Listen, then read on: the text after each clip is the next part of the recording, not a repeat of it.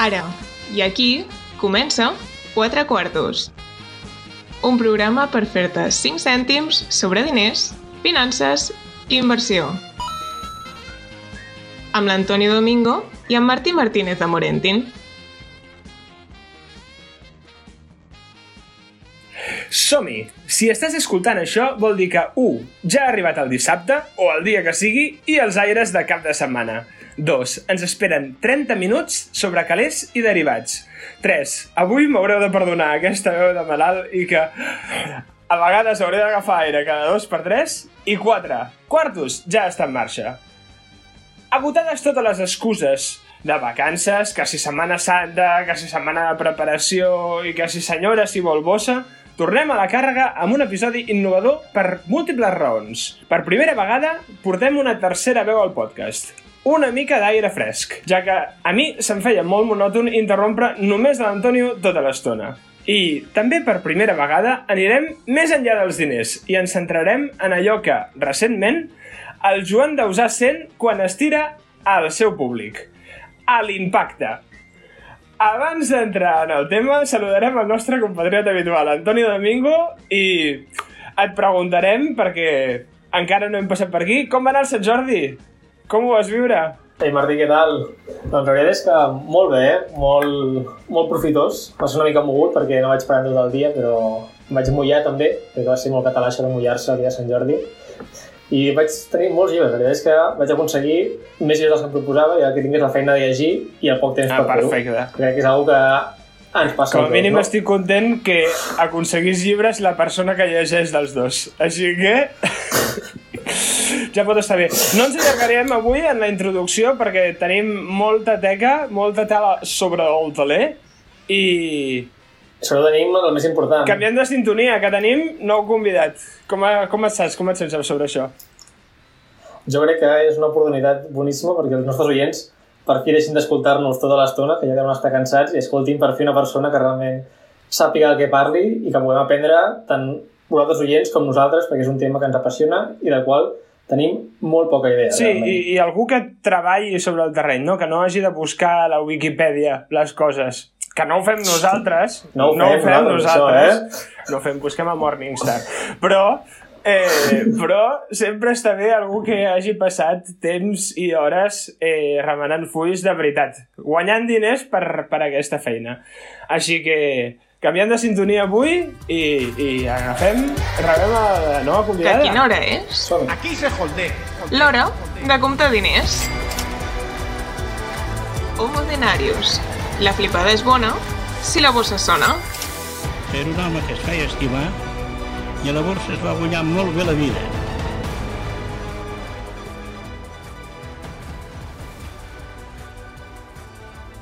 Som-hi!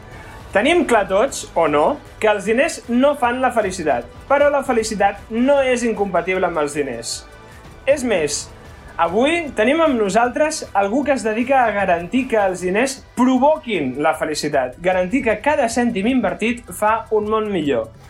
Una amiga a qui vaig conèixer anant de colònies, a qui vam coincidir encara més sent monitors de colònies, preocupada per a les causes socials, un perfil molt necessari al mundillo Sade que avui es troba entre nosaltres. Rebem, si us plau, un aplaudiment a l'Anna de Gea. L'Anna eh, es dedica, amb les seves paraules, a maximitzar l'impacte a través de l'empresa Ship2B. Si us plau, Anna, benvinguda. Com et tracta la vida i què fas amb la teva feina? Què, en què consisteix tot això? Bueno, a- hola, encantada. Eh, eh, sobretot perquè he sigut molt fan del, del podcast des de l'inici i bueno, realment que m'hagueu invitat eh, és un honor. Eh, jo em pensava que sí que éreu experts i que no buscàveu a Wikipedia, així que m'ho pensaré si tornar-vos a escoltar. A Wikipedia no, a, a Wikipedia. busquem. vale. És mentida, això ho fem per donar una imatge de familiaritat, però som super experts. Molt bé. Eh, re, doncs, explico una mica el que, el que faig i per què, per què m'agrada tant el, el, el, el que em dedico. Eh, guanyar diners, en fi, no és el sector més, eh, més ben remunerat, però, però aquí estem i, i ens agrada molt la nostra feina. Eh, això fa més de 4 anys que formo part de l'equip de la fundació, és una fundació, som sense ànim de lucre, Ship2Be, i el que ens dediquem, a part de maximitzar l'impacte, sobretot com a missió, acompanyem i invertim en projectes de l'impacte social i mediambiental. Llavors, com fem l'acompanyament? A través de programes d'acceleració per al mundillo de les startups tecnològiques, amb entitats socials i també fem programes de consultoria a grans empreses. Tothom qui vulgui crear i escalar solucions els ajudem a través de programes. I per la part d'inversió també tenim, bueno, som molt referents perquè tenim la, la gestora que, bueno, que porta el fons fins ara més gran d'Espanya a nivell de capital risc de 55 milions és poc dintre el món de, del capital de risc, però és molt dintre el món de l'impacte. Així que el vam aixecar l'any passat i, i en això estamos i coordinem una xarxa de Business Angels. Llavors jo dintre de tot aquest ecosistema el que faig és, eh, soc responsable d'un dels programes d'acceleració per nous projectes que impulsen des d'entitats socials és un programa anual on durant, aquests, durant els mesos jo acompanyo a diversos equips a pensar i llançar al mercat projectes eh, bueno, doncs pensant quin model de negoci haig de tenir des del meu projecte, no només model de negoci, quin model de medició i gestió de l'impacte, com, amb qui m'haig de liar i bueno, doncs, eh, ajudo amb això i, i la veritat és que aprenc molt cada dia de, dels emprenedors a qui acompanyo. Mm -hmm. És fantàstic, no sé amb què quedar-me. Molta sort amb, amb les... No, és veritat, amb totes les iniciatives noves que esteu parlant, però eh, si jo puc triar, pogués triar, m'agradaria anar a, a les arrels, al més antic, perquè tot això per algú de fora poden sonar com paraules molt boniques, totes juntes, de oh, que bé, i creu impacte i no sé què. Eh, jo m'estava imaginant un camp de flors sí. allà, i tot caminant per allà, olorant l'aire pur i fresc. Clar, i tot què hem d'entendre quan parlem d'impacte? Com sé jo si eh, eh, hi ha una empresa i dic, aquesta empresa està creant impacte o no? Què, què, què busqueu vosaltres o què, Què és és? l'impacte en general? Vale, sí, la desesperació és una mica compartida. Hi ha moltes definicions i molt poc consens. Eh, aleshores, eh, inclús la gent que ens hi dediquem i totes les organitzacions que fa anys, eh, estamos en les mismes. Però m'imagino que als oients encara potser se'ls fa més bola, així que vaig a intentar definir una mica el que, el que s'entén per impacte i sobretot per fer-ho fàcil crec que la clau és pensar en allò que facis o inverteixis generi un canvi positiu tant al planeta com a les persones i que tu puguis atribuir aquest impacte. O sigui, l'impacte és allò que passa restant el que hagués passat igualment. Llavors, aquesta diferència que et pots atribuir és com l'impacte que genera la, la iniciativa. Però és això, pensar en clau de canvi positiu. O sigui, és rellevant perquè ara tothom parla d'impacte, ara diem molt la paraula impacte aquí al podcast, però eh, haureu escoltat responsabilitat social, sostenibilitat, ètica, mil, mil noms. Eh, I bueno, nosaltres impulsem des de Ship2Be el que és l'economia d'impacte i al final és repensar un sistema econòmic on tots els actors, societat civil, les empreses, startups, el tercer sector, l'administració pública, tothom, quan prenen decisions empresarials no només tinguin en compte la rendibilitat econòmica, sinó també la social i la mediambiental. I bueno, això doncs, et porta a pensar de formes molt diferents i molt complexes eh, i una mica això és el que podria definir a, a nivell d'impacte. Però ara ho veurem amb, amb, coses, amb exemples més clars. Clar, no? La, la idea és eh, fer eh, el planeta una miqueta millor, no? La idea de ser sostenible, les persones eh, o la societat una mica millor, potser seria la vessant més ètica, però això, tot i tenir aquesta idea de canvi, és o per a nosaltres com a mínim seria complicat de, de mesurar. Com podem avaluar l'ètica, l'impacte social d'un negoci? És a dir, haig d'estar molt agraït i dir que Apple és una empresa increïblement sostenible perquè ara els carregadors ja no, ja no els envien amb el mòbil i això ha salvat un alumini que, que flipes? O, o com va? eh, segurament sortirà eh, que aquestes empreses es consideren empreses d'impacte, segons qui ho miri, una cosa pot ser d'impacte o no.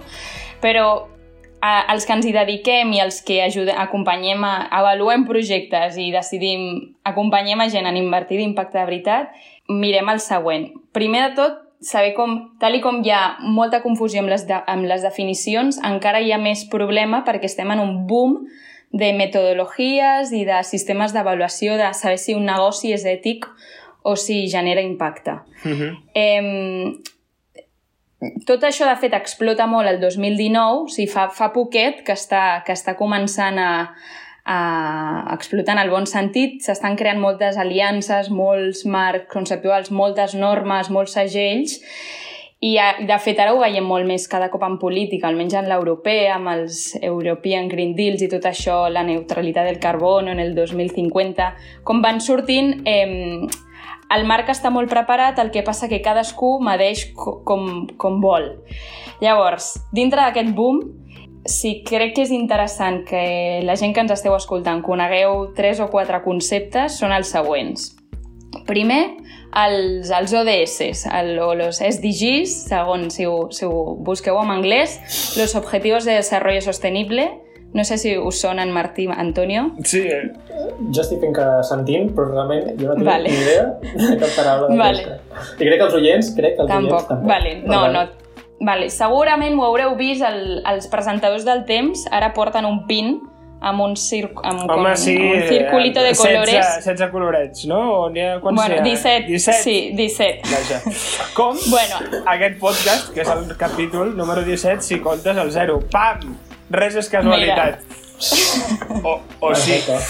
Doncs aquest és el marc més dels més acceptats. Eh, això, els polítics i la gent a la tele, mm, el, molts logos de moltes marques, però darrere d'això què hi ha?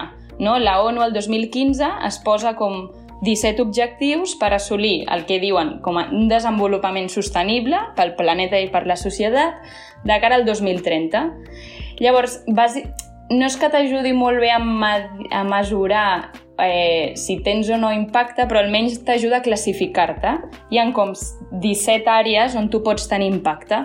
Pots tenir impacte en pobresa, pots tenir impacte en temes de gènere, pots tenir impacte en energia, pots tenir impacte amb l'aigua, amb, amb sistemes per la pau. Llavors serveix per identificar les temàtiques d'impacte i, i, bueno, i això. Però realment a nivell d'avaluació de saber, vale, sé que el, la, meva, la inversió que estic fent o l'empresa que estic llançant té relació amb aquest ODS i això cada cop és més important, a les webs eh, de moltes organitzacions apareixen cada cop més en productes als supermercats. I està bé i et diuen si estàs dentro o no, però no et diuen realment com contribueixes amb aquest objectiu, no? que seria, perquè estan molt Exacte. pensats per governs. I de Llavors, fet- Bueno, Sí, de fet, això a vegades s'ha convertit quasi en un acudit perquè les grans corporacions el que volen és fer el tic a totes, no? Per exemple, Exacte. eh, n'hi ha una que és... Eh, hi ha un d'aquests objectius que és reduir la, la desigualtat, per exemple. I tu, per reduir la desigualtat, pots fer una miqueta o fer molt perquè tota l'empresa sigui exactament igual. Però ja està, vas tenint el tic i tu potser és una empresa de menjar, eh, però llavors dius, ah, i posarem leds que eh, no consumeixin gaire. I apa, el tic de l'energia també el tenim. I ara posarem el... Llavors, eh, és, un, és un inici, és per veure en quines direccions hauríem de millorar, eh, d'anar per, per aconseguir un cert impacte, però ens falta la idea de la profunditat, no? Com, com podem saber si estem fent molt o si estem fent poc? Doncs aleshores, una, una, un, un segon mètode i el segon com més utilitzat, a part dels ODS, són els criteris ESG, eh, que crec que és bastant important.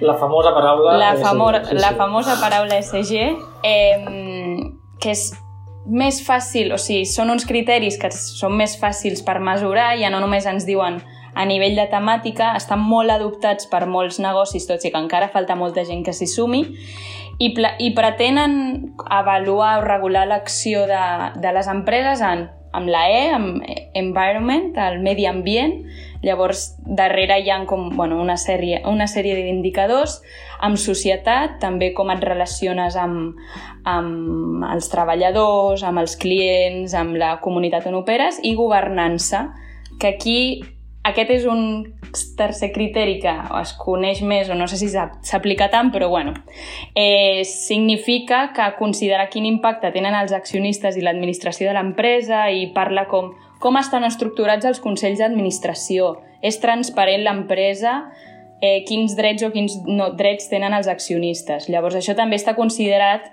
per ser una empresa... O sigui, aquí, amb els criteris ESG, estem parlant més no realment de si l'empresa té o no tant impacte, que ara entraré, sinó si és responsable, si es comporta més o menys de, de forma responsable.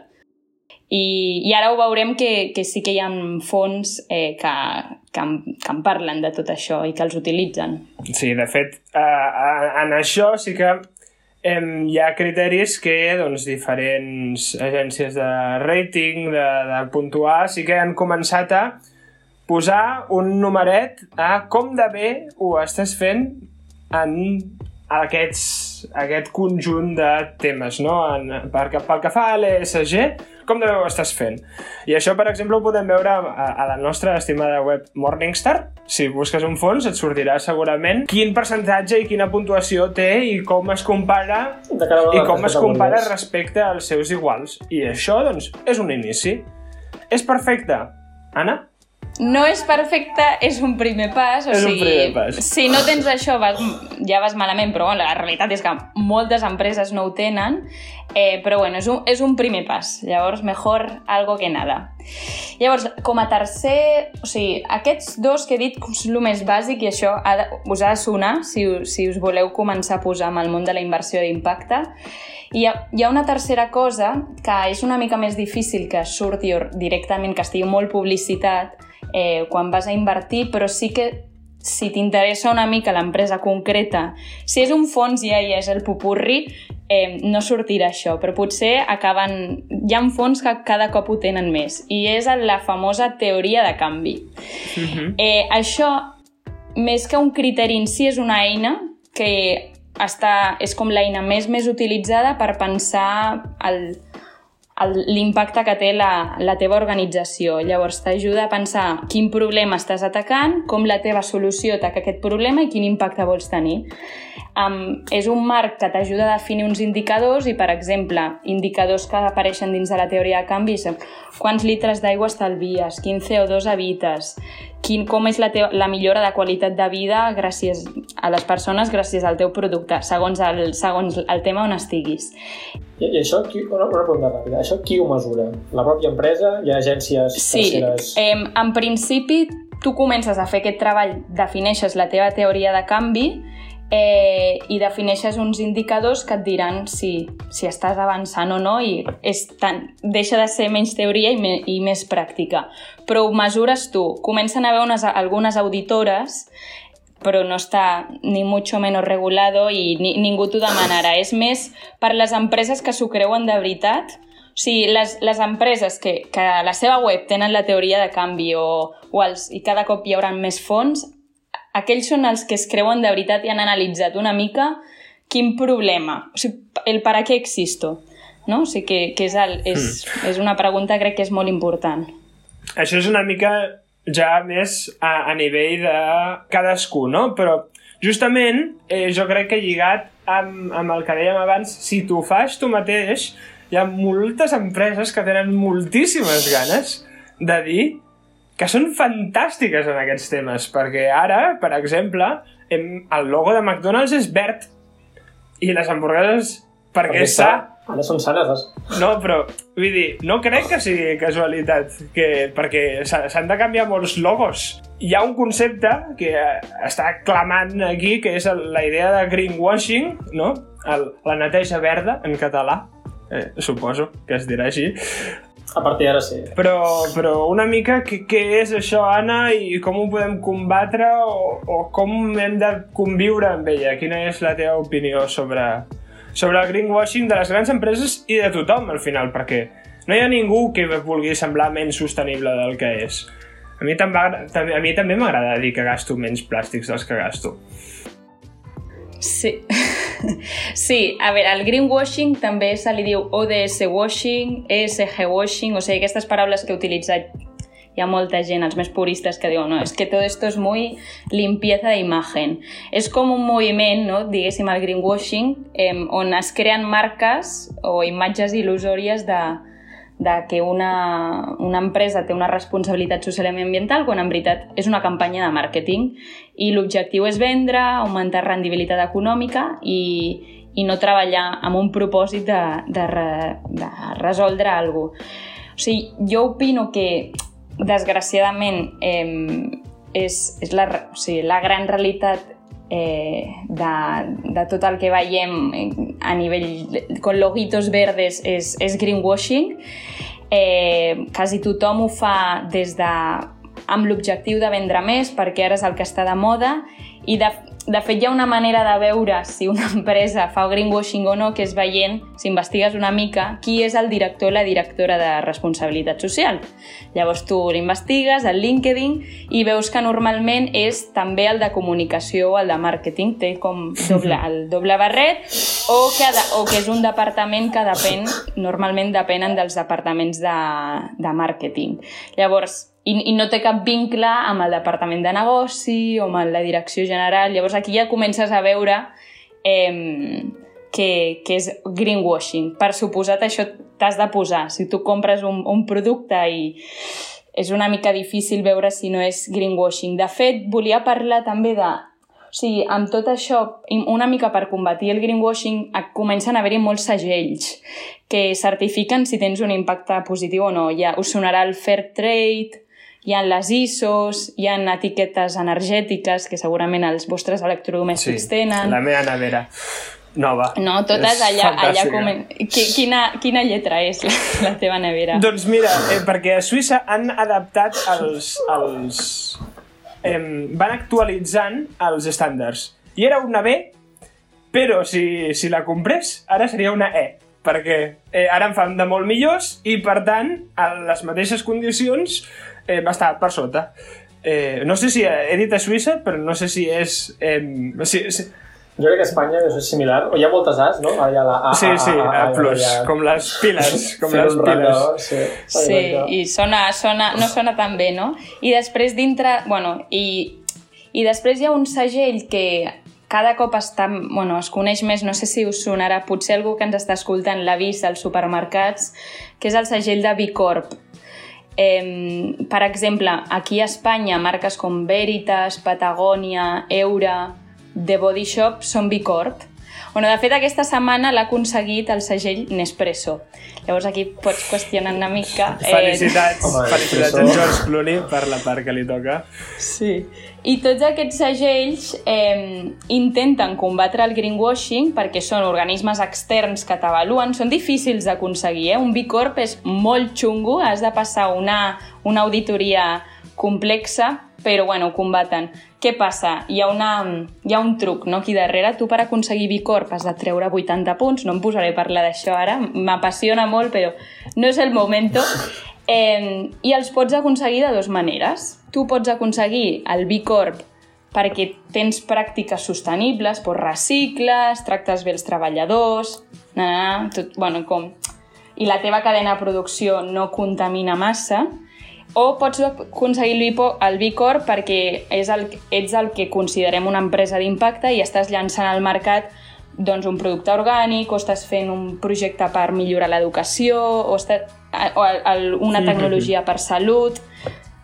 Eh, qualsevol de les dues coses et donaran punts per aconseguir el Bicorp. Què passa? Que les grans marques, doncs Nespresso, ha aconseguit els punts reciclant i que la seva cadena és més, és més verda i els treballadors els hi deu pagar bé i tot això, però el producte en si, no? el, the elephant in the room, és que el seu producte és com és, igual que, igual que moltes altres empreses que estan aconseguint el Bicorp o aquests segells. Però, Però bueno. Per exemple, un, una, un dels, dels pensaments que em surt i a vegades em, em, em surt fer d'advocat d'aquestes empreses que realment no ho necessiten gens. Però ara quan eh, tu has dit que Nespresso m'havia tret aquesta, aquesta distinció, eh, l'Antonio i jo de cop ja hem fet com un Ah, vaja, vaja. En, en lloc de pensar, ostres, potser realment s'ho han pres en sèrio, potser han fet un esforç. I jo crec que és una cosa una mica social de a, a les multinacionals ni aigua. No, no, no els hi donarem ni, ni, ni, ni un bri de presumpció d'innocència en aquest sentit, no? I potser, potser sí. Jo, jo he pensat només per com a crim cap al cafè, com a món del cafè, el que fa Nespresso, que ho veig Ah, incompensable. Ah, que representa que, que l'expresso no està bé, Antonio? Home, hi ha dos corrents de pensament al respecte, la meva és que no. No, sí, clar, a qualsevol pregunta binària hi ha dos corrents de pensament, això és molt clar. Va, um, però és igual, això, food for thought, eh, ho deixem que si no ens, se'ns passarà el temps, que ja s'està passant, però no passa res. Aviam, anem a, a una mica a la idea que, que veníem, que és ajudar al, al vianant, a la persona que ens escolta, de... D'acord, jo ara ja he entès que el món s'està anant a la merda i a mi m'agradaria invertir per fer una cosa millor. Aleshores, quines opcions tinc? Perquè m'heu recomanat eh, un 70% de, jo què sé, m'ho estic inventant, eh, de, de renda variable i un 30% de fixa, però això, ara com ho lligo? Ara m'esteu dient que abandoni tot això i em, ho inverteixi tot a una empresa que em cultiva arbres de cacao amb, eh, posant-li música o, o com va? Que, que, quines opcions tenim, no? Anna, eh, hem estat parlant abans i ens explicaves el que és el ABC de la inversió d'impacte, una guia molt, molt clara. Exacte. Sí, al final eh, no, no és que hagueu de tirar a la brossa tot el que heu pensat no? i, i planificat, és posar-vos unes ulleres noves i fer-vos més preguntes que, que les que us haguéssiu fet simplement buscant el, el binomi de rendibilitat-risc. Al final el que has de fer és deixar que sigui un, deixar de ser un binomi, passar a un trinomi, posar una nova, un nou factor, que és el d'impacte. Llavors és posar-te aquestes... Exacte, és posar-te... Ho fas una mica més complicat, però en el fons... Eh, bueno, és que si no, no anem per aquí, si no anem cap aquí, mal. Entonces, l'ABC de l'impacte, de la inversió d'impacte, crec que pot ajudar a, a saber per on començar i com classifico les empreses o els fons o opcions d'inversió amb aquestes tres lletres, no? Comencem amb la A. Són aquell tipus d'empreses o fons que actuen Ah, evitant el risc o els danys. Eh, actuen, no, Ah. actuen Ah, risc d'acord. o avoid risk. La, la traducción llévala. Fantàstic, fantàstic. No sóc de Barcelona, però no tant. Eh, llavors, què, què consisteix no? això amb aqu aquesta primera classificació? Són aquestes empreses o fons que fan un primer pas i, i decideixen no invertir en empreses d'armes, en la indústria de jocs, del tabac... O sigui, es posen unes línies vermelles. Eh, llavors, no sé, seria un fons que agafa totes les empreses i treu aquelles que no compleix uns mínims. És posar-te uns mínims, dir, mm, jo en armes no vull invertir. Llavors, això és un primer pas eh, que, bueno, cada cop hi ha, hi ha més Sí, fons tant. que, I de que s'ho és molt comú no? I més opcions veure d'inversió. eh, el mateix, jo que sé, a la Mundi que replica l'índex MSCI del món, doncs que agafa aquest mateix índex i simplement li treu el que has dit tu, tabac, eh, eh, armes, eh, eh, apostes, etc. Ara n'estan fent empreses que clarament es dediquen a combustibles fòssils i únicament a combustibles fòssils, també els envien fora i diuen, va, amb tota la resta rebalancejo perquè em quedi un 100%, però sense fer cap cosa especial, i així es queda.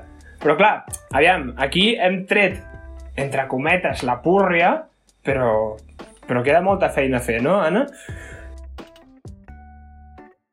Exacte, llavors ens anem a, la B, que aquí sí que és, no, no hi haurà dubtes, beneficiar als stakeholders, eh, a les parts interessades a l'empresa. Llavors, a més a més d'evitar els danys, a més a més de posar aquestes línies vermelles, són fons que inverteixen en empreses que es comprometen de forma responsable amb el medi ambient, per exemple.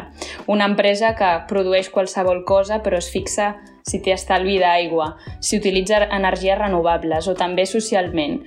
Empreses que decideixen dir, bueno, doncs a la meva direcció la meitat seran del board seran dones o, o tindrem uns sous dignes o estan col·laborant amb la, amb la comunitat on actuen.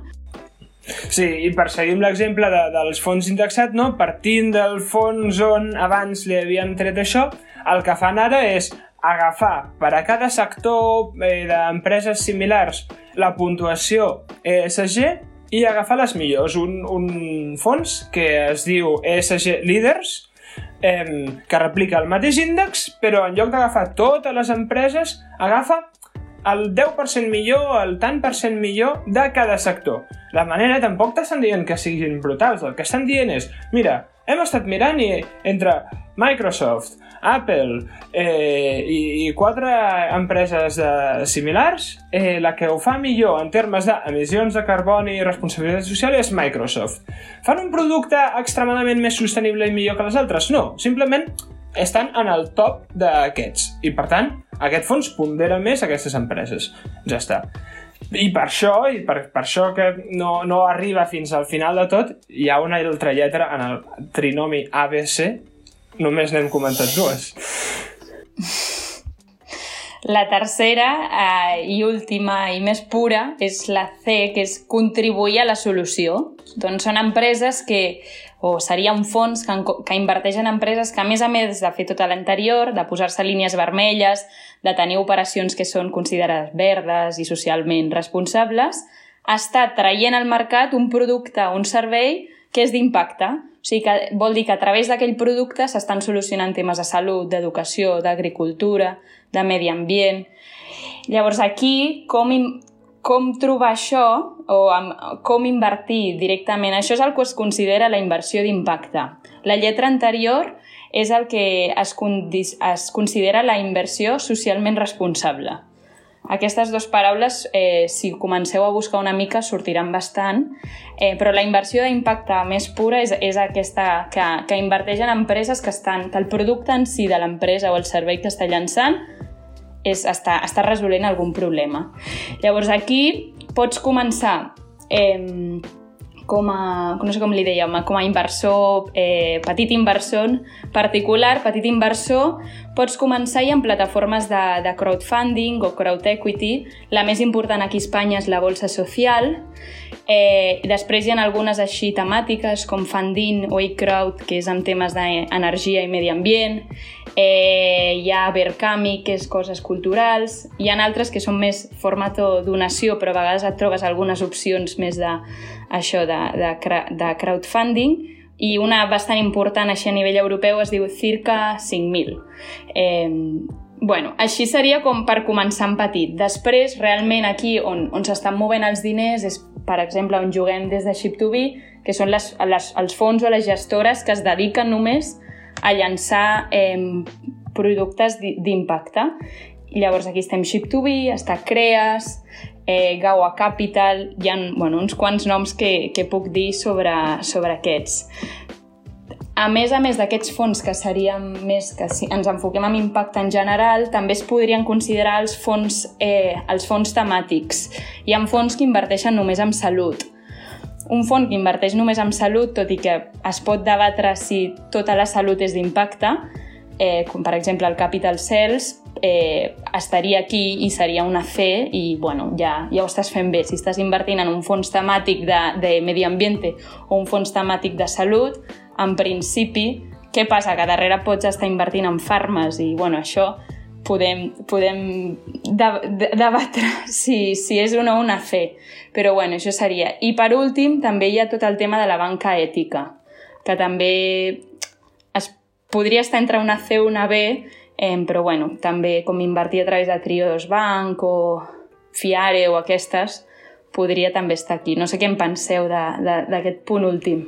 Jo tinc una relació amb la banca ètica que, que crec que és bastant complicada. Crec que l'objectiu que tenen és, és bo, en principi, però crec que els productes que posen a disposició del client no primen l'essencial que és que siguin bons productes. És a dir, poden tenir una missió molt bona, però crec que quan planteges un producte als clients, primer ha de ser un bon producte per ells i després aquest producte a més faci tot aquest impacte que hem comentat. I crec que, almenys quan ho vaig mirar per Triodos Bank, o sigui, és la meva opinió i veient només un dels exemples, crec que els productes eren poc desitjables de cara a un inversor particular. És a dir, aquí entrem en un tema que volíem tractar amb tu abans de marxar, que és el tema de posar la balança aquest impacte respecte al binomi rendibilitat-risc. A, a on està la balança? A on, com a inversors particular, hem de posar el punt de de negar aquest possible rendiment a canvi de fer aquest impacte és una cosa que podem tenir els dos a la vegada o necessàriament hem de rebutjar un per tenir l'altre? Eh, gran, gran pregunta. Jo crec és algo que s'està estudiant, s'està estudiant molt, potser en, en el mundillo en el que estic, que és més de l'acompanyament a innovacions i startups, sí que s'està fent bastant evident que projectes emprenedors que, que es consideren d'impacte són una mica més resilients, perquè darrere hi ha un equip emprenedor que no ha llançat una app de mm, un e-commerce de moda perquè, bueno, perquè vol fer diners, no, vol resoldre un problema i està, ja, està, ja està llançant una plataforma per ajudar no sé, a la gent a estudiar una cosa que és de difícil accés i de, darrere hi ha, bueno, això és potser una mica light, però gent que està llançant tecnologies per millorar la salut, normalment rasques una, equip, una mica i darrere d'aquells equips tenen aquesta problemàtica a casa o la coneixen de molt a prop. Llavors, el, el punt de que l'equip sigui més resilient ja et dona un, bueno, baixa una mica més, menys el risc i, i en principi eh, són bons performers, no? Com ho, ho fan bé al mercat, però això és més en el món de, de l'emprenedoria, de, de, de la innovació primera, de l'emprenedoria. A, a l'hora de, de buscar en empreses més grans o a la inversió que, que tu podries fer, doncs això, des del teu portàtil amb, amb pocs diners, eh, és complicat i jo crec que tampoc eh, cal amagar que, en general, eh, les condicions eh, pel mateix risc eh, de rendibilitat en inversió social sostenible acostumen a ser més desfavorables eh, perquè, doncs, per exemple, no és tan eficient. Eh, un, un fons indexat, per exemple, té comissions molt, molt baixes i si en canvi t'has d'anar mirant empresa per empresa, si ho està fent fan bé, molt, molt bé, eh, com, com més meticulós vulguis mirar, més hores algú li haurà de posar i més comissions de gestions hi haurà d'haver per trobar aquestes coses.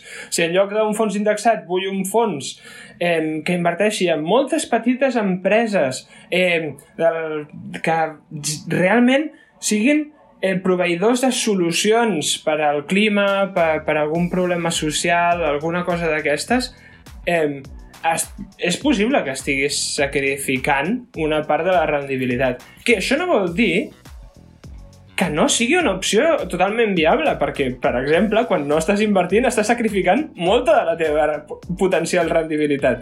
I ja, i, i m'incloc des de fa eh, uns anys, moltíssima gent que no està invertint i no passa res. I, i de passar de no invertir a invertir sosteniblement et fan guanyar molts diners, per exemple, i ningú... Hi ha molta gent que ni s'ho planteja.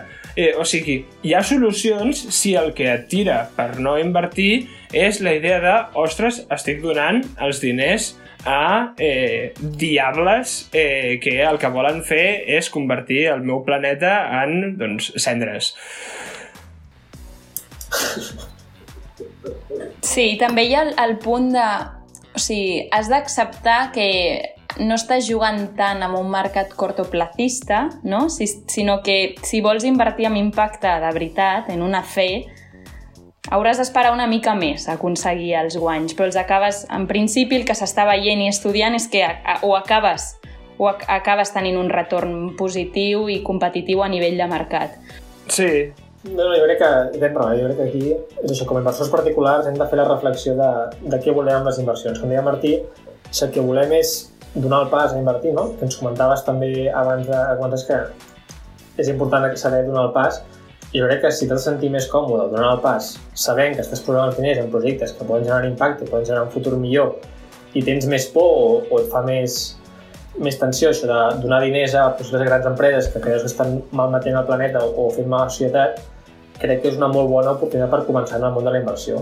I després ja reassignar els, els, els pesos en funció de com vulguis tenir aquesta balança de rendibilitat-risc amb sostenibilitat i impacte. Exacte, simplement decidir amb més coses sabent que doncs és possible que eh, m'estigui sacrificant una part eh, de rendibilitat potencial, però Doncs de la mateixa manera que tu no només treballes per eh, guanyar molts diners, sinó que és possible que a la teva feina busquis satisfacció personal, eh, sentiment de que estàs contribuint a algun projecte valuós... És a dir, estàs fent una activitat per A, guanyar diners, i B, i C, D, D, E, F, G, moltes altres coses que et, et, et, et fan sentir millor i realment hi creus per què no pots fer això també amb les inversions? Per què t'has de dividir tant de manera que les inversions només siguin per assegurar no,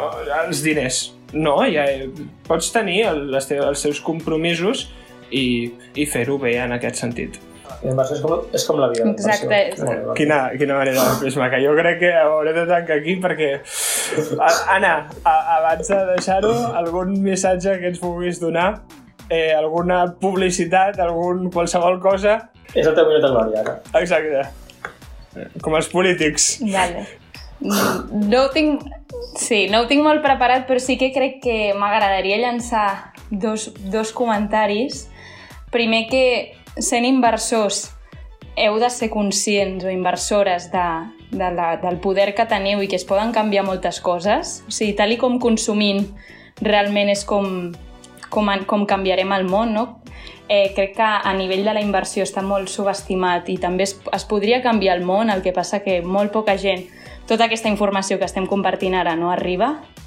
I dos, que també suposo que tota la gent que ens està escoltant treballa o està començant a treballar i a mi m'agradaria que la gent es plantegés per qui està treballant i si realment l'empresa, l'organització on està té un propòsit i, o, i, i si està compartit amb els valors eh, que teniu vosaltres. Jo us animo molt, molt, molt a explorar el món de, de l'impacte. Hi ha moltíssimes opcions eh, i, i res, que crec que bueno, confio molt amb el, talent, amb el talent jove cada cop més conscienciat, tant a nivell de consumidor inversor com a, com a treballador. Crec que tenim a les nostres mans l'oportunitat de, de canviar el món.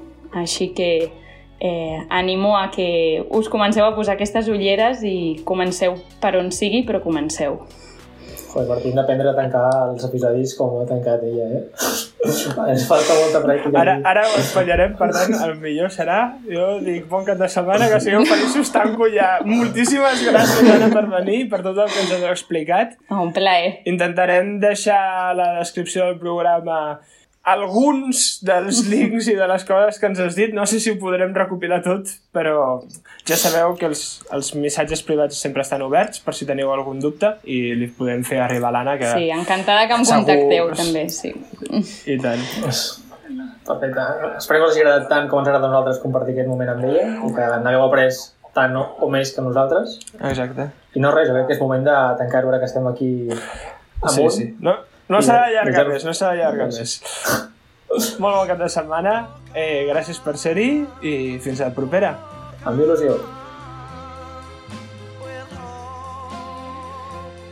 Fins aquí arriben els quatre quartos. Per seguir fent camí junts, interacciona amb nosaltres a les xarxes socials i descobreix nous episodis a la teva plataforma podcast de confiança.